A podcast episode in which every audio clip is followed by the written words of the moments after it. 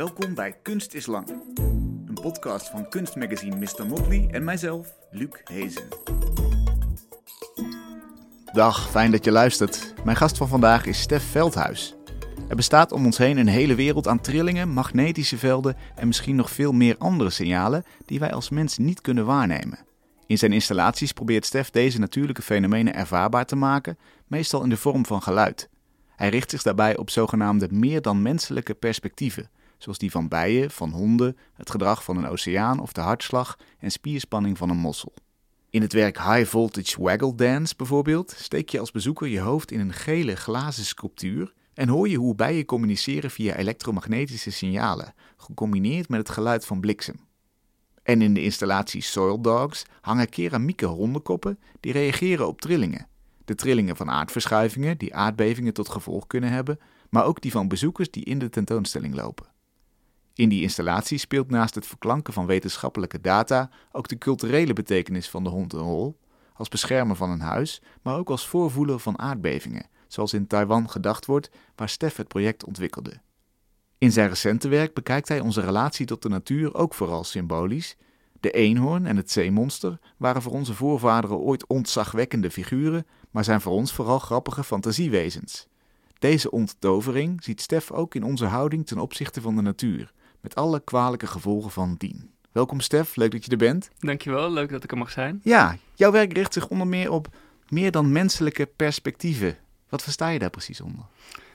Um, ja, meer dan menselijk is een naam voor, uh, of eigenlijk noem je het meer dan menselijk dier, voor um, een entiteit die niet een mens is. Uh, en, en die benaming um, kies ik altijd bewust om eigenlijk aan te geven dat wij dus nog steeds tot dat realm van de dieren horen.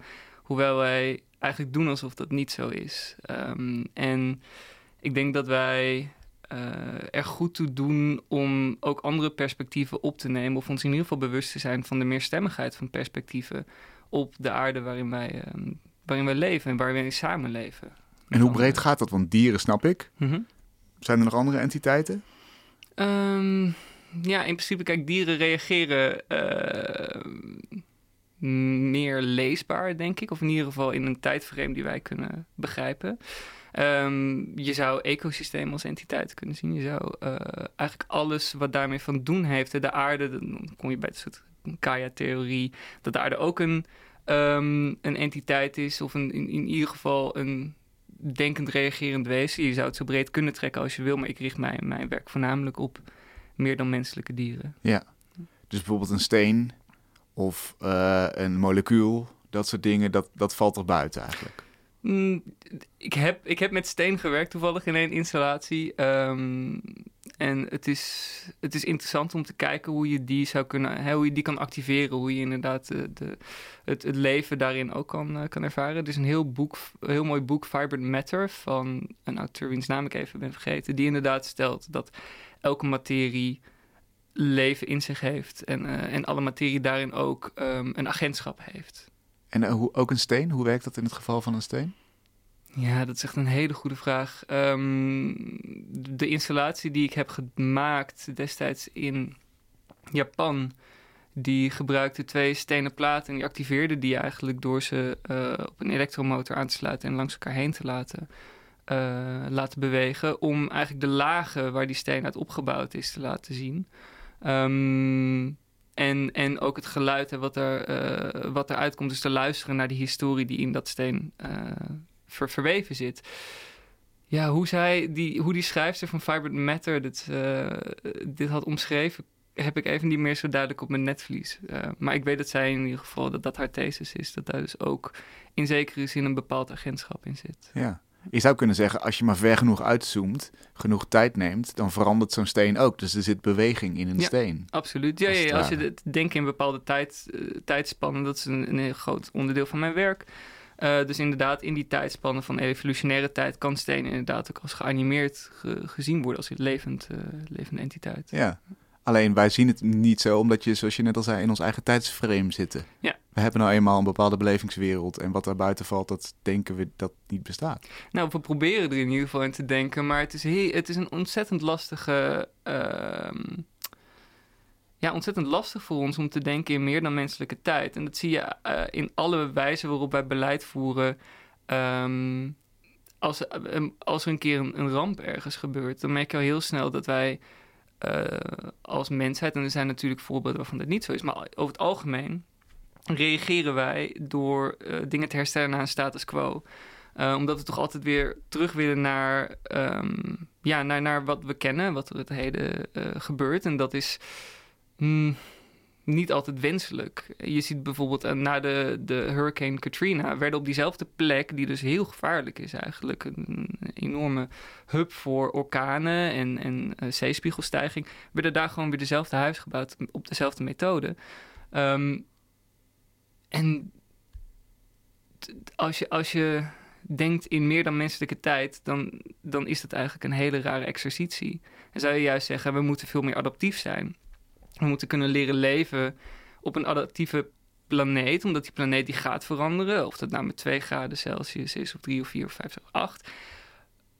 Onze aarde gaat veranderen en wij hebben niet de tools om mee te veranderen. En ik denk dat daarom mm, uh, wij eigenlijk op zoek moeten gaan naar nieuwe politiek, maar ook nieuwe poëzie. En die nieuwe poëzie die kan dan uh, komen uit art science, kunstwerken. Ja. Uh, om ons dus voor te bereiden op een, op een manier van leven die adaptief is en leeft met de planeet en niet alleen maar op de planeet. Ja, want inderdaad, als je dus ver genoeg uitzoomt in tijd, dan zie je de wereld beweegt een bepaalde kant op en die is op die plek gewoon gevaarlijk. Die beweging gaat gevaar opleveren daar. Ja. een soort dode hoek, maar dan ja, op, precies. op planetaire schaal. En wij denken dus heel uh, statisch daarin. Ja, ja.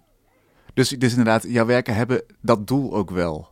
Wakker schudden of, of uh, sensitief maken van er zijn andere vormen om ons heen. Precies, ik denk dat in die, die sensitiviteit voor, uh, voor de meerstemmigheid om ons heen, dat we daar het een en ander van, van zouden kunnen leren over hoe wij ons, uh, onze wereld waarnemen. En misschien ook ons veel meer bewust kunnen zijn van de ehm, signalen die ons vertellen van hé, hey, maar dit zit niet goed, hier zou je niet moeten zijn.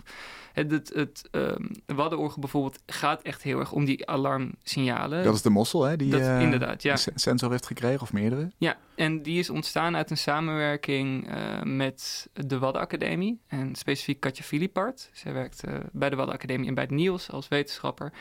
En zij vertelde mij over hoe ze eigenlijk die mossel zien als een biosensor. Die ons veel meer kan vertellen over de staat van het water dan wij kunnen aflezen met onze uh, antropogene sensoren. Want die mossel, dat is een filtervoeder. Dus al het water wat in, uh, in de omgeving van, dat, uh, van die entiteit zit, die gaat door, door dat systeem heen. En de mossel die haalt daar de voedingsstoffen uit die hij nodig heeft en die spuwt alles uit wat hij niet meer nodig heeft. Dus die is heel erg intiem verbonden met, met dat water. En daardoor is dat ook een, een, wezen wat veel eerder mogelijke vervuiling kan ontdekken dan, dan wij als mensen kunnen. En dat is zelfs zo, zo bewezen belangrijk, dat de, of, of, zo bewezen sensitief, dat de steden Minneapolis en Warschau um, de hele zoetwatervoorziening van, uh, van die steden laten testen door mosselen. En dat gebeurt in real time. En wanneer die mosselen in dat zoetwater, uh, dat zijn dan zoetwatermosselen natuurlijk, een vervuiling ontdekken, dan sluiten zij die kleppen en dan gaat alle watertoevoer naar die stad uh, wordt stilgelegd. Ah, wow. Ja. Dus levende sluizen zijn dat eigenlijk? Het zijn ja, precies. het zijn levende sluizen. Ja. En hoe heb jij in jouw project eh, ons verbonden met die mossel eigenlijk? Want we zitten natuurlijk niet uh, continu in het water te kijken of die mossel open of dicht gaat. Nee, precies. Ik, um, ik heb het goede, goede geluk gehad dat ik iemand tegen ben gekomen, Jelle Rijt, die enorm uh, slim is met alles wat met techniek te maken heeft. En samen met hem heb ik het systeem ontwikkeld dat hij dat het gedrag van die mossel kan lezen.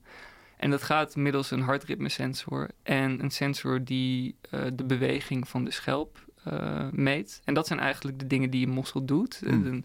hun reacties zijn vrij beperkt, of in ieder geval de leesbare reacties zoals wij die kunnen meten, zijn vrij, vrij beperkt. En um, door die twee elementen, uh, die hebben we vervolgens gekoppeld aan een groot orgelwerk, wat in, uh, bij de tentoonstelling in Oerol in de kerk in Mitsland stond. Dus we hadden 16 orgelpijpen, die werden verdeeld over de hele kerk.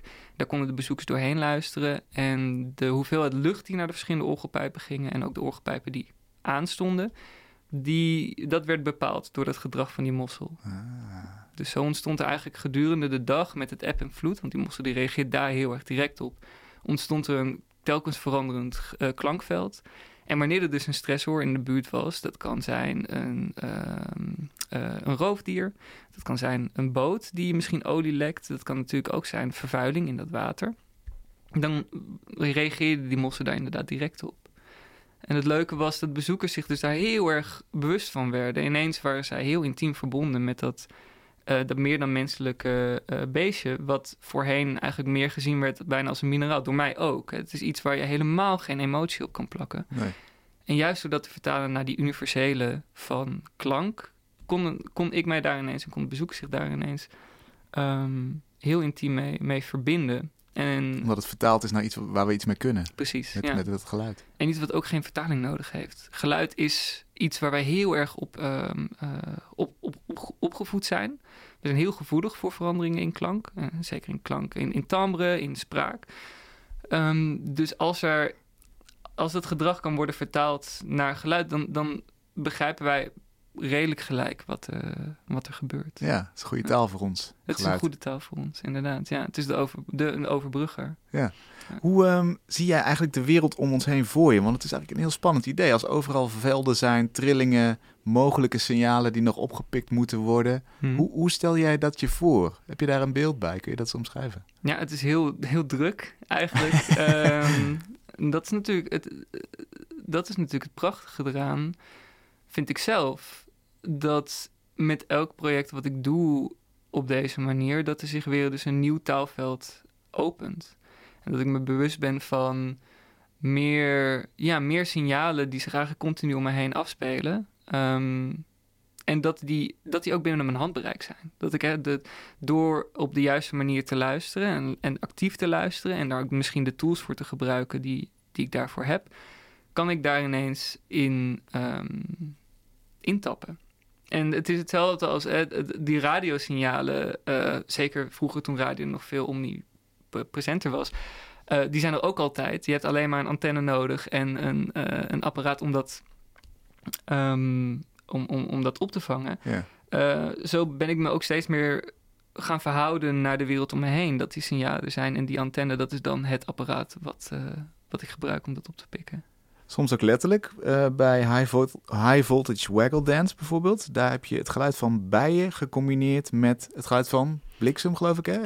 Ja, um, het is niet direct het geluid van bliksem. Um, dit, dit project is eigenlijk heel toevallig uh, uh, ontstaan. Ik moet even bij het begin beginnen. Dus, um, bliksem is natuurlijk een elektrische ontlading. En een elektrische ontlading creëert elektromagnetische velden. En in het geval van bliksem kunnen die heel erg ver reiken. Dat komt omdat die, uh, die, die straling, die stuitert eigenlijk tussen de aarde en een laag in de atmosfeer, de ionosfeer. En daardoor gaat gaan die geluiden of die, die elektromagnetische signalen van onweer gaan heel ver, tot 3000 kilometer ongeveer. Er zijn speciale apparaten om die op te pikken. Die worden ook gebruikt door meteorologen, door NASA, door wat dan ook. En ik, um, ik had besloten daar een van uh, te, te maken als bouwpakket. Uh, en die wou ik eigenlijk in Nederland kunnen testen. Maar in Nederland is er zoveel interferentie van uh, antropogene apparaten. Eigenlijk alles wat wij hebben creëert bepaalde... alle elektrische apparaten creëert bepaalde elektromagnetische velden. Hmm. Dat ik nooit een schone lezing kon maken daar. En toen kreeg ik de fantastische mogelijkheid om een arts-in-residence programma te doen in Slovenië, in Gornikrad. En die had ik ook specifiek uitgekozen omdat op het satellietbeeld van de, het nachtelijk satellietbeeld daar geen enkele uh, geen enkel licht te zien was. Dus zeg maar uh, compleet, compleet in the middle of nowhere in de bergen van Slovenië.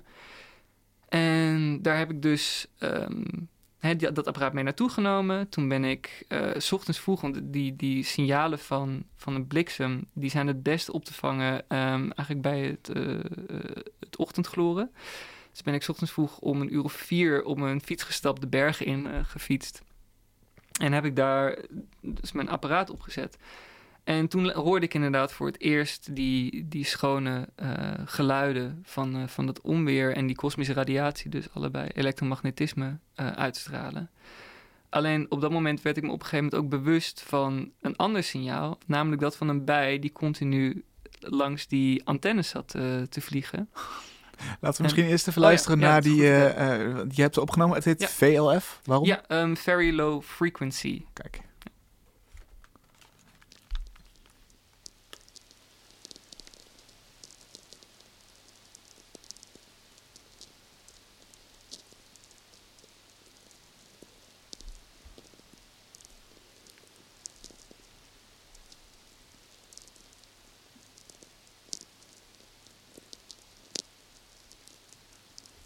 Ja, dus echt getik eigenlijk, hè? Ja. Een beetje ruis, getik. Ja.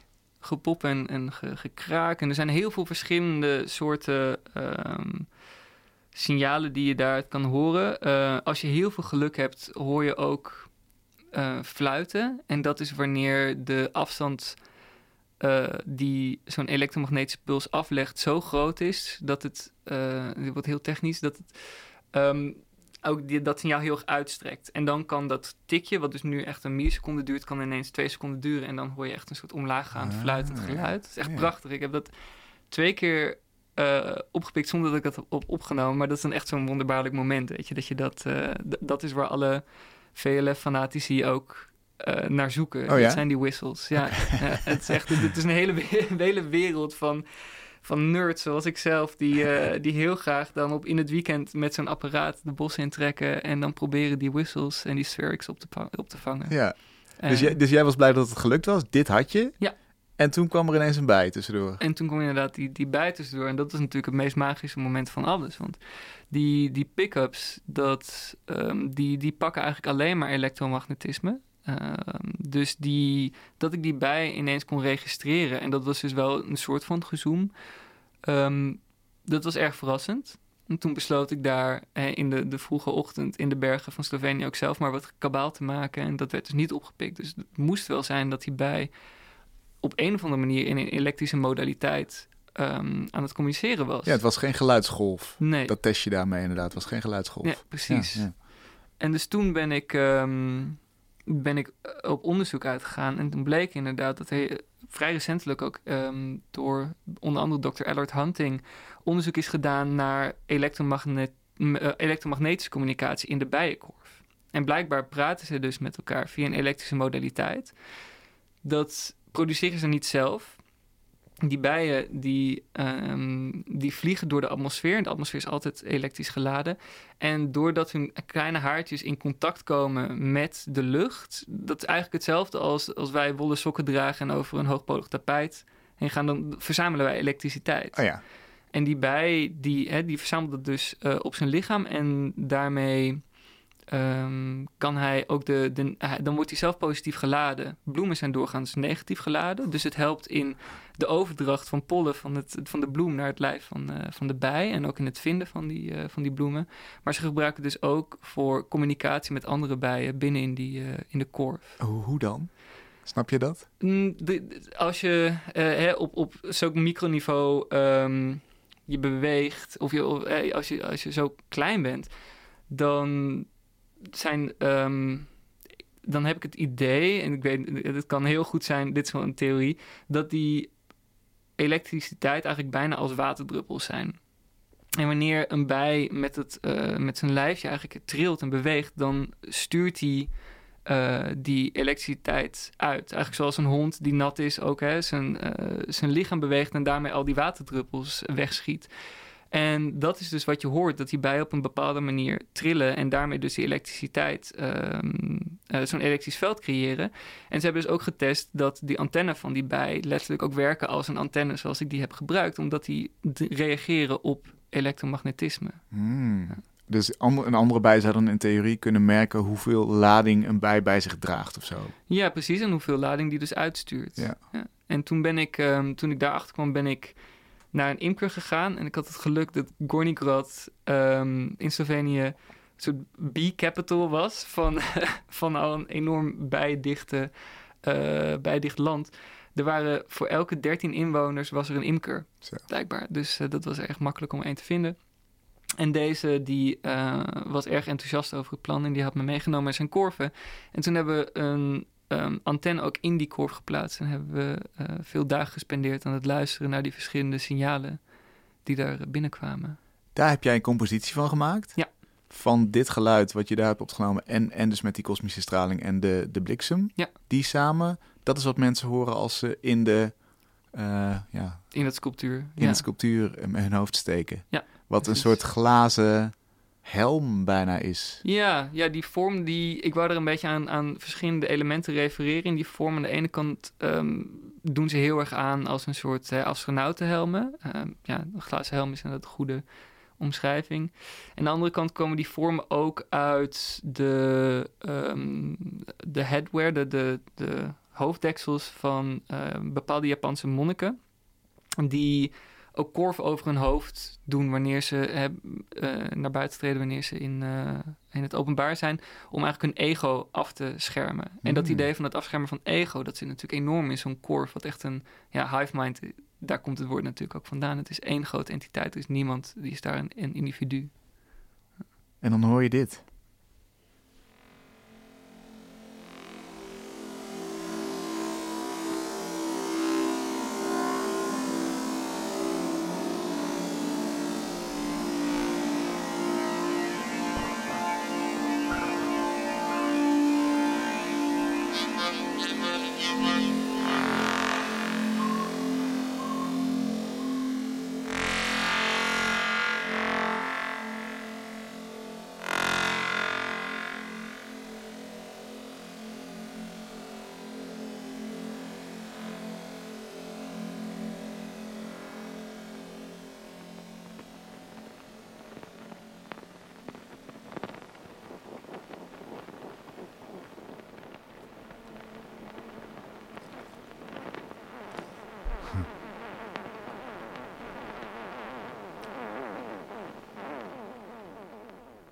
Ja, op het eind hoor je echt een soort zoomen.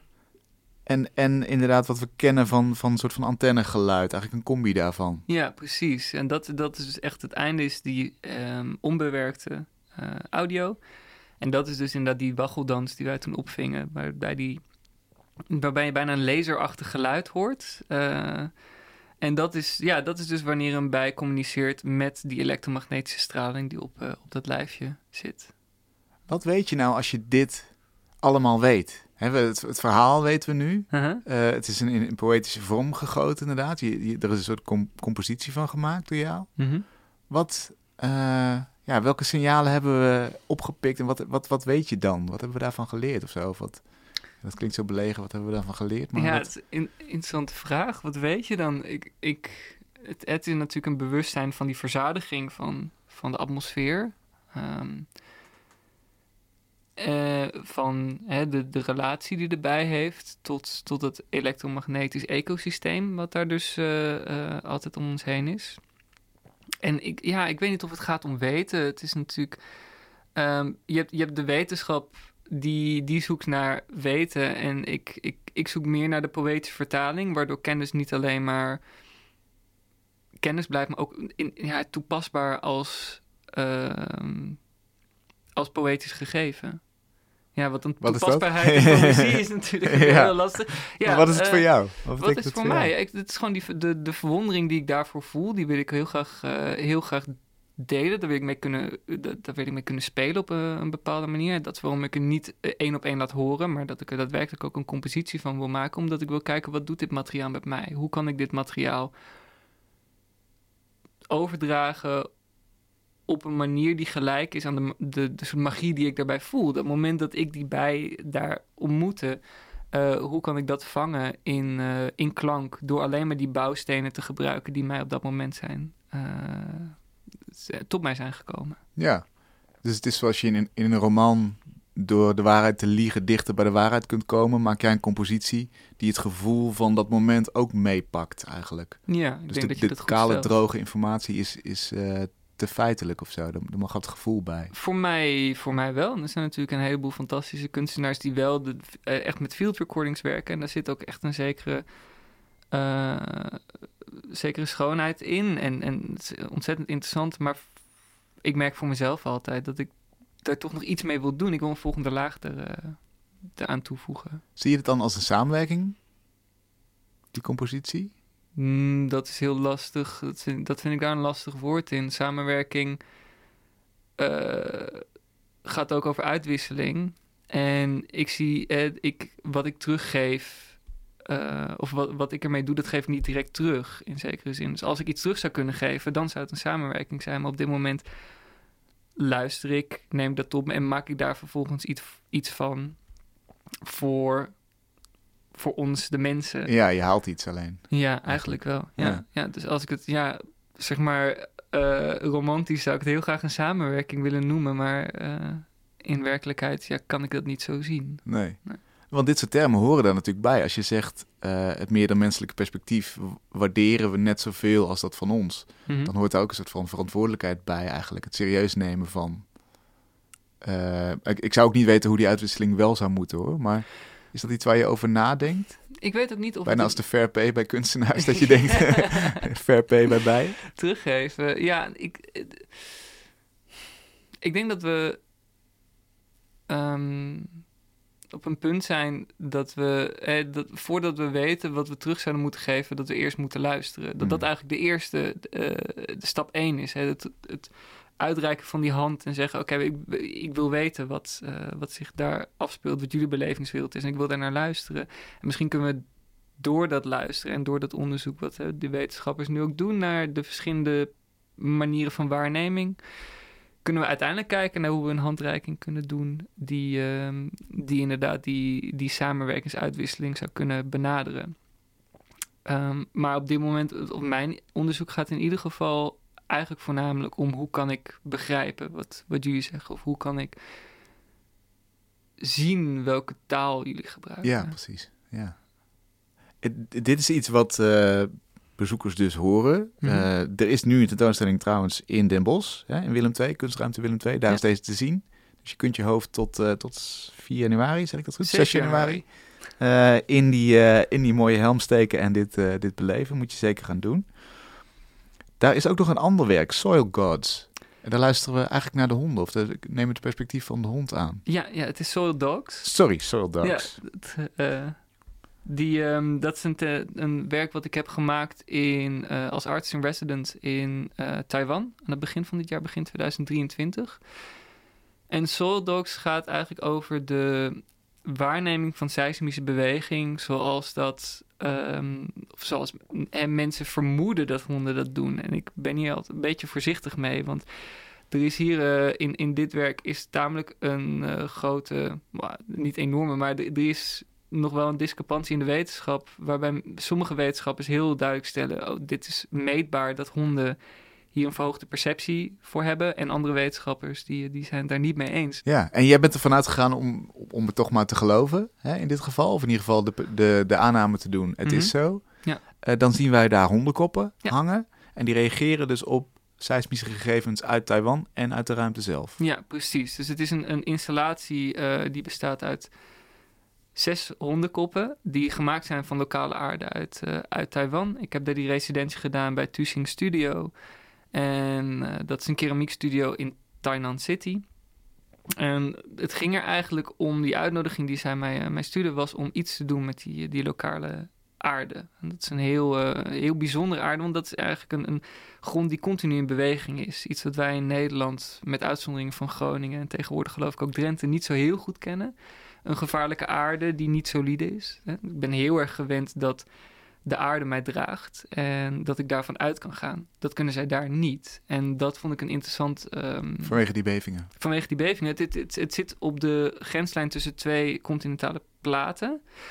Ehm, en daardoor is eh, Japan zit geloof ik ook dicht bij die grenslijn. Daarom is het vaak het epicentrum van een heleboel eh, grote aardbevingen. Eentje in 1992 die zo enorm devastating was. Ehm, dat ze daar eh, musea over hebben gebouwd, over die specifieke aardbeving. Het is dus echt een, een heel bewegelijk land. Ehm, en dat was een element wat ik erg interessant vond. Zeker dus ook vanwege die uitnodiging om te werken met het land. En in tweede instantie merkte ik dat ik daar continu omgeven was door honden. Ehm, Taiwan is echt een eiland vol, vol met eh, honden. Er zijn heel veel straathonden. Er zijn ook heel veel mensen die, eh, die een hond hebben. Ehm, en het, het was gewoon zo'n ehm, zo'n ontzettende aanwezigheid elke dag. Uh, niet alleen omdat het natuurlijk... Ik, ik hou van honden, ik ben graag bij honden... maar daar waren ze ook gevaarlijk ineens. Ik kon een park binnenlopen... en dan werd je door een bende uh, straathonden... werd je er weer uitgejaagd. Uh, dus die, die aanwezigheid, daar, um, kon ik eigenlijk bijna niet omheen. En ik wist van hè, uh, mythologieën, zeker uit uh, die, uh, die regio's, dat honden echt als een um, guardian, een, beschermer voor het huis zijn als het gaat om die, die, die aardbevingen. Dat honden vaak waarschuwen al dagen van tevoren um, dat er misschien iets, iets aankomt. Hoe doen ze dat? Uh, er zijn heel veel. Het, en dat is, dit is waar de wetenschap dus een beetje moeite heeft, is altijd anekdotisch bewijs. Hmm. Mensen zullen altijd na afloop van de aardbeving zeggen: Oh, een week geleden merkte ik al dat mijn hond niet meer naar buiten wou. Dat uh, die altijd onder het huis kroop, op een veilige plek was of heel agressief werd. Um, dus de, de, de, honden proberen op een of andere manier te communiceren dat er iets niet pluis is. En, um, en omdat het altijd dus anekdotisch bewijs is, wat na afloop. Uh, pas aan het licht komt, is het een heel. Is het veel meer iets wat te maken heeft met mythe dan met harde wetenschap. Wat Ja. ik een heel interessant uh, uh, speelveld vind om, om in te. Dat grenst naar poëzie, zou je kunnen Dat zeggen. grenst poëzie, Toch? Ja, heeft Ja. overlap. Ja, precies. Dus ik wou heel graag dat, ehm, dat symbool eigenlijk uh, pakken. Um, om heel erg te refereren aan de plek waar ik was en dus de aarde waar ik op dat moment op liep. En toen heb ik die uh, hondenkoppen inderdaad gemaakt uh, van die lokale klei. En daarin heb ik speakers gestopt die bepaalde um, frequenties waarvan men denkt, hè, komen we weer in dat uh, hypothetische, die hypothetische wetenschap waarvan men denkt dat die honden dat op kunnen pikken. Het gaat ook over elektromagnetisme, maar het gaat ook over hele lage geluiden van hele lage frequentie. Um, ik heb uh, apparaten meegenomen waarmee ik die zou kunnen, uh, waarmee ik die heb kunnen opvangen. En die resoneren dus door die hondenkoppen gemaakt van die lokale klei, waardoor dus de signalen van die aarde weer terugkomen in de, in de klei. Dat klinkt dan ongeveer zo.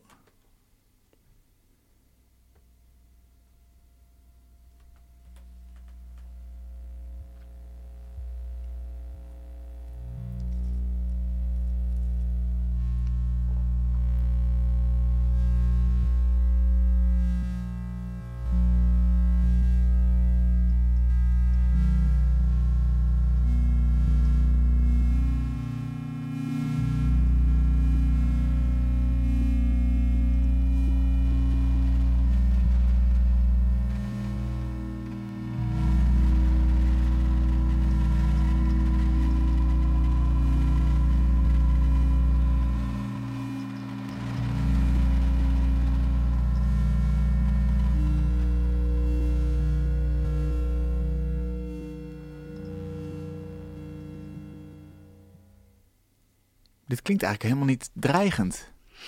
Nee, het gaat dan ook weer om die bewerking die er uiteindelijk, um, uh, die, die, die laag die ik dan uiteindelijk toevoeg. En dit is een minuut uit een compositie van 10 minuten. Dus Ja. er zijn momenten dat het dreigend is. Oh ja. Er is ook nog een andere laag van geluid in die tentoonstelling. En dat is de opnames die ik daar heb gemaakt van die straathonden, die dus overal waren. Eh, ik ben daadwerkelijk met de residentiecoördinator s'nachts in een auto rond gaan rijden. En dan heel dicht naar zo'n roedel honden gegaan. En in de auto gebleven en heel dapper mijn opnameapparaat uit, eh, uit het raampje gehangen. En die, ehm, die opnames, die worden dus gekoppeld aan seismische metingen die we tegelijkertijd doen in die uh, tentoonstellingsruimte en in de tentoonstellingsruimte in Taiwan, waar het werk dus ook parallel tentoongesteld wordt. En die tentoonstelling in Taiwan, um, die zit in Taitung. En Taitung is eigenlijk het epicentrum van seismische bewegingen, van, van aardbevingen in uh, Taiwan. Daar zitten ook seizoenen aan, toch vaak? Wanneer, dat, wanneer er meer kans is op een aardbeving. Ja, volgens mij, ik had daarover gelezen, maar daar, daar, daar weet ik niet genoeg van om daar een heel slim Oh ja, antwoord over om, te om geven. te kijken of dat, uh, of dat nu is, aan de, aan de gang is. Ja, ja, volgens mij, als ik het me goed herinner, was het april, mei okay. dat, die, dat het aardbevingsseizoen was. Maar dat is ook, ook wonderlijk. Dat er op zich dat er weerseizoenen zijn, is heel logisch. Maar dat er dus ook aardbevingen seizoenen zijn. Dat er een cyclische aard, aard is aan bewegingen van het land. Um, ja, dat, dat vind ik wel wonderbaarlijk. Het is eigenlijk iets waar ik toch wel meer onderzoek naar zou willen doen. Hm. Ja.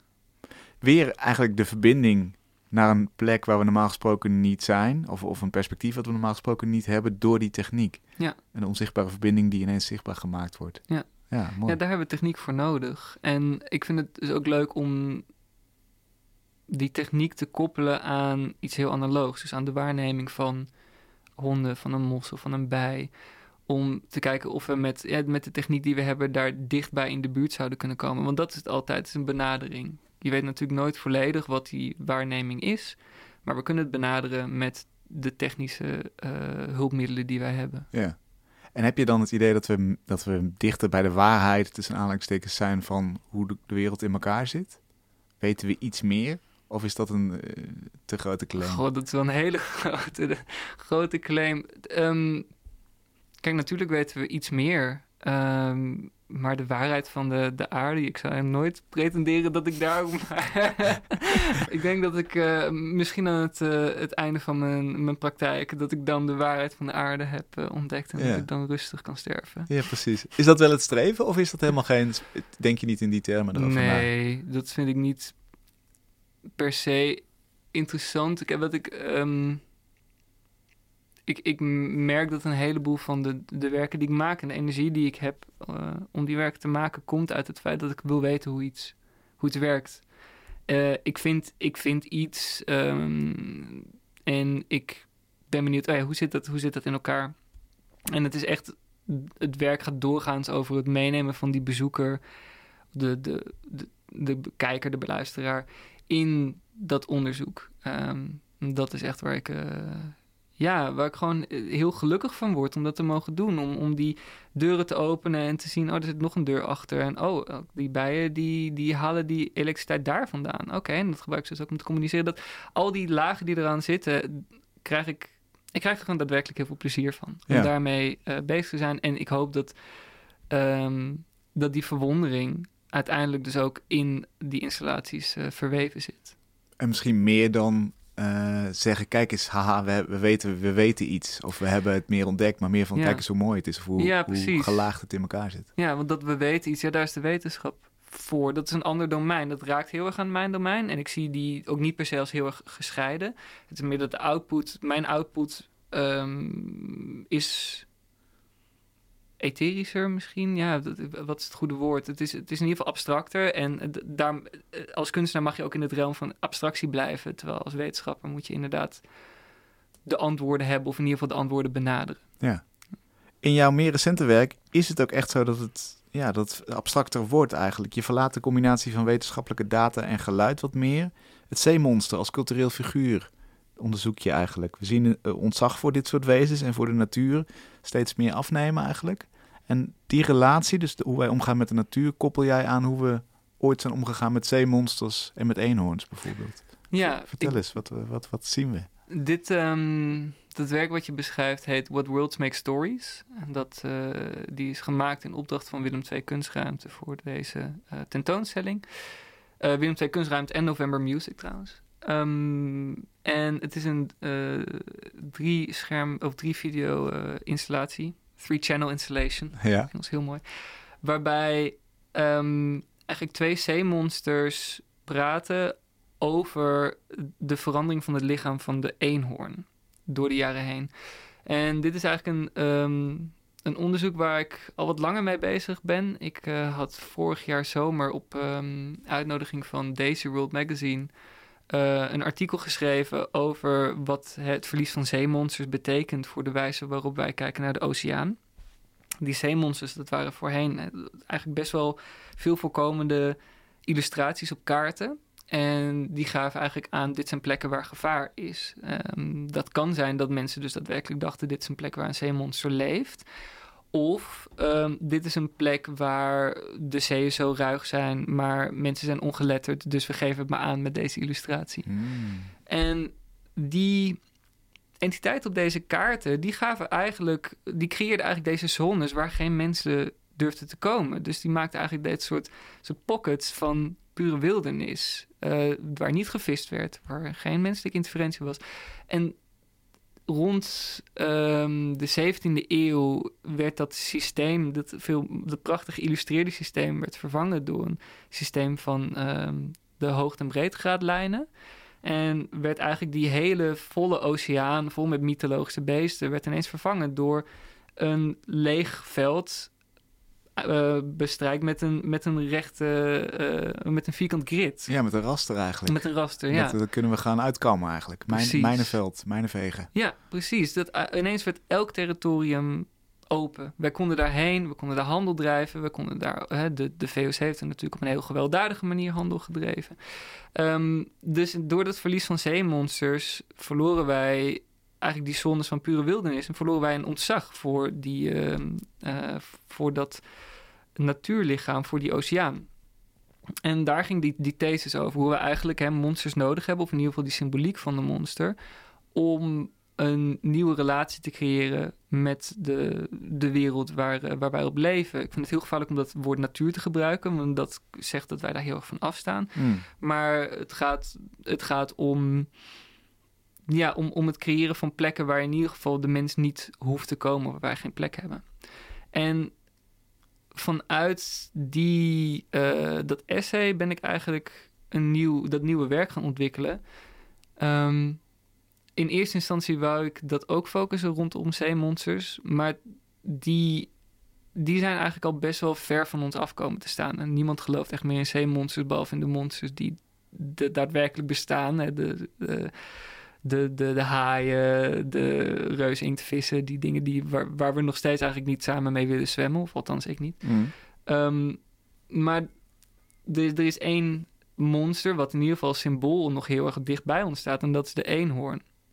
En tegenwoordig kennen wij die eenhoorn als een bijna een, een soort symbool voor kapitalisme.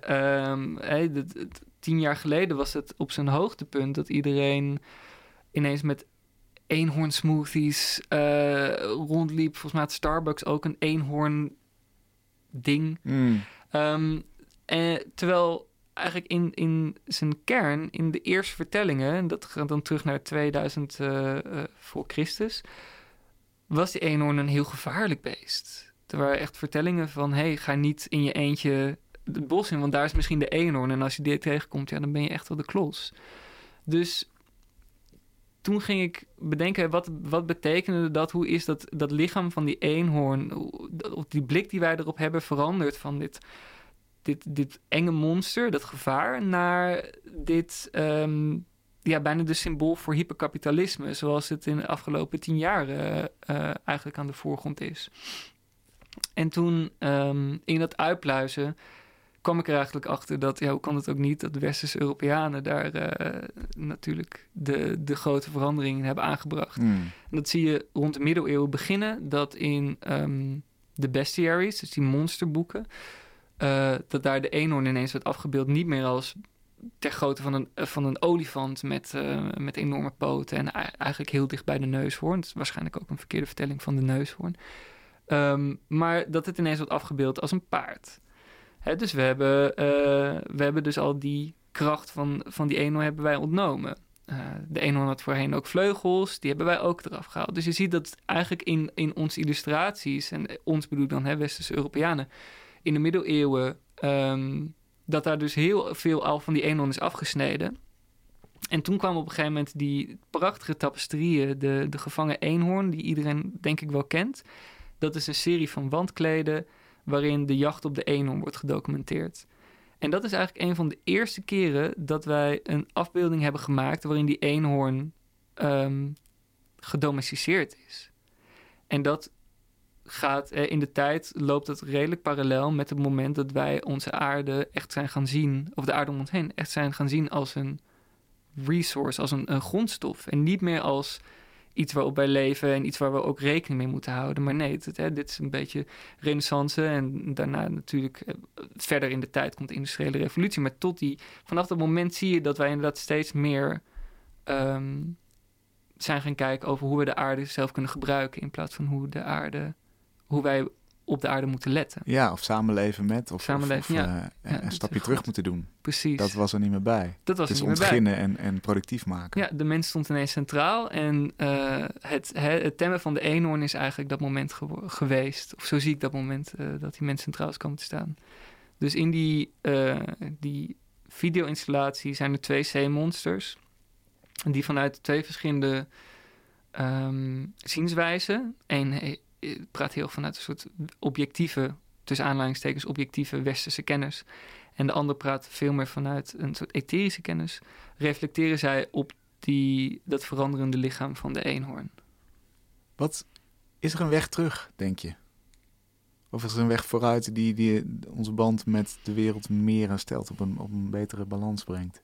Ja, ik, ik heb daar echt twee, twee soort van visies op die, die in mij ook ehm, continu strijden.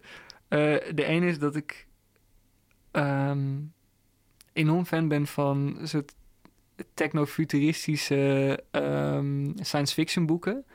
Waarin eh, we inderdaad misschien 100, 200, 300 jaar vooruit in de tijd kijken en zien dat de zaken die nu ineens opkomen, zoals gelijkheid van.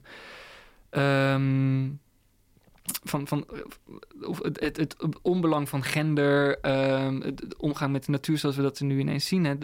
De soort prachtig utopische sci-fi waar ineens iedereen veganist is en iedereen op zijn, zijn of haar manier eh, of, of, of dienstmanier kan leven.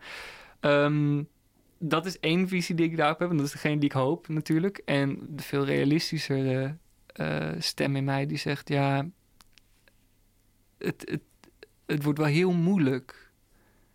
Het wordt met de dag moeilijker. En ik, eh, ik vind het lastig om, om daardoor niet uit het veld geslagen te raken. En welke rol speelt kunst daarin? Of welke rol wil jij dat jouw werk daarin speelt? Ja, deels dus dat het, het belangrijkste is het belang van het luisteren ehm, en het, het bewustzijn van, van intelligentie van eh, meer dan menselijke anderen. Hè, dit nieuwe werk, dat gaat er dus een beetje, ehm, dat benadert dat vanuit een hele andere manier. Die is dus ook meer naar onszelf toegericht en daar heel kritisch op. De andere werken mm, onderstreep ik denk ik de intelligentie, eh, ja, onderstreep ik de intelligentie van meer dan menselijke anderen. Ehm, en, en onderstreep ik ook hun. Ja, het. het, het, de, hoe geïntegreerd die. die ehm, nee, dat moet ik anders zeggen. Ik denk dat intelligentie het allerbeste woord is. Ehm, en het is een. Waar ik de overlap wel zie tussen deze twee werken, is dat. om de verschrikkelijke wijze waarop wij met, eh, met dieren omgaan, om die goed te praten, moeten we ze eigenlijk bijna wel zien als onvoelend, ondenkend, onintelligent. Ik bedoel, de factory farms, de eh, legbatterij, eh, kippen. Als, als je gaat denken over elke kip als bezield, als denkend, als voelend, ja, dan moet je wel eh, heel sterk in je schoenen staan. Wil je, ehm, wil je dat op, wil je op deze manier kunnen boeren, letterlijk. Hmm. Ehm, en ik denk door deze installaties laat ik in ieder geval zien dat ja, die bijen die hebben heel, eh, eh, een heel verweven manier van communiceren. Die hebben echt een enorme intelligentie en die zijn enorm, ehm, ja, die zijn enorm verweven met die wereld waarin ze in zijn. Hetzelfde geldt voor die mossel. Die mossel die is een gevoelig wezen. En daarmee probeer ik eigenlijk dat ja, die, die, die laag van intelligentie openbaar te maken. En hoop ik dat mensen daar uiteindelijk naar handelen. Maar Ja, dat, dat, is hoe ver ik kan komen natuurlijk. Dat is jouw rijkwijde, ja. Ja. zeker. Dat doe je op een hele mooie manier. Dank je wel daarvoor. En eh, we moeten allemaal naar Den Bosch gaan, naar eh, Kunstruimte Willem II. Tot 6 januari zijn het de drie werken die we nu besproken hebben eigenlijk laten zien. Ja. Leuk dat je er was. Dankjewel dat ik hier mocht zijn. Tot zover Kunst is Lang voor deze week. We zijn er volgende week weer. Tot dan.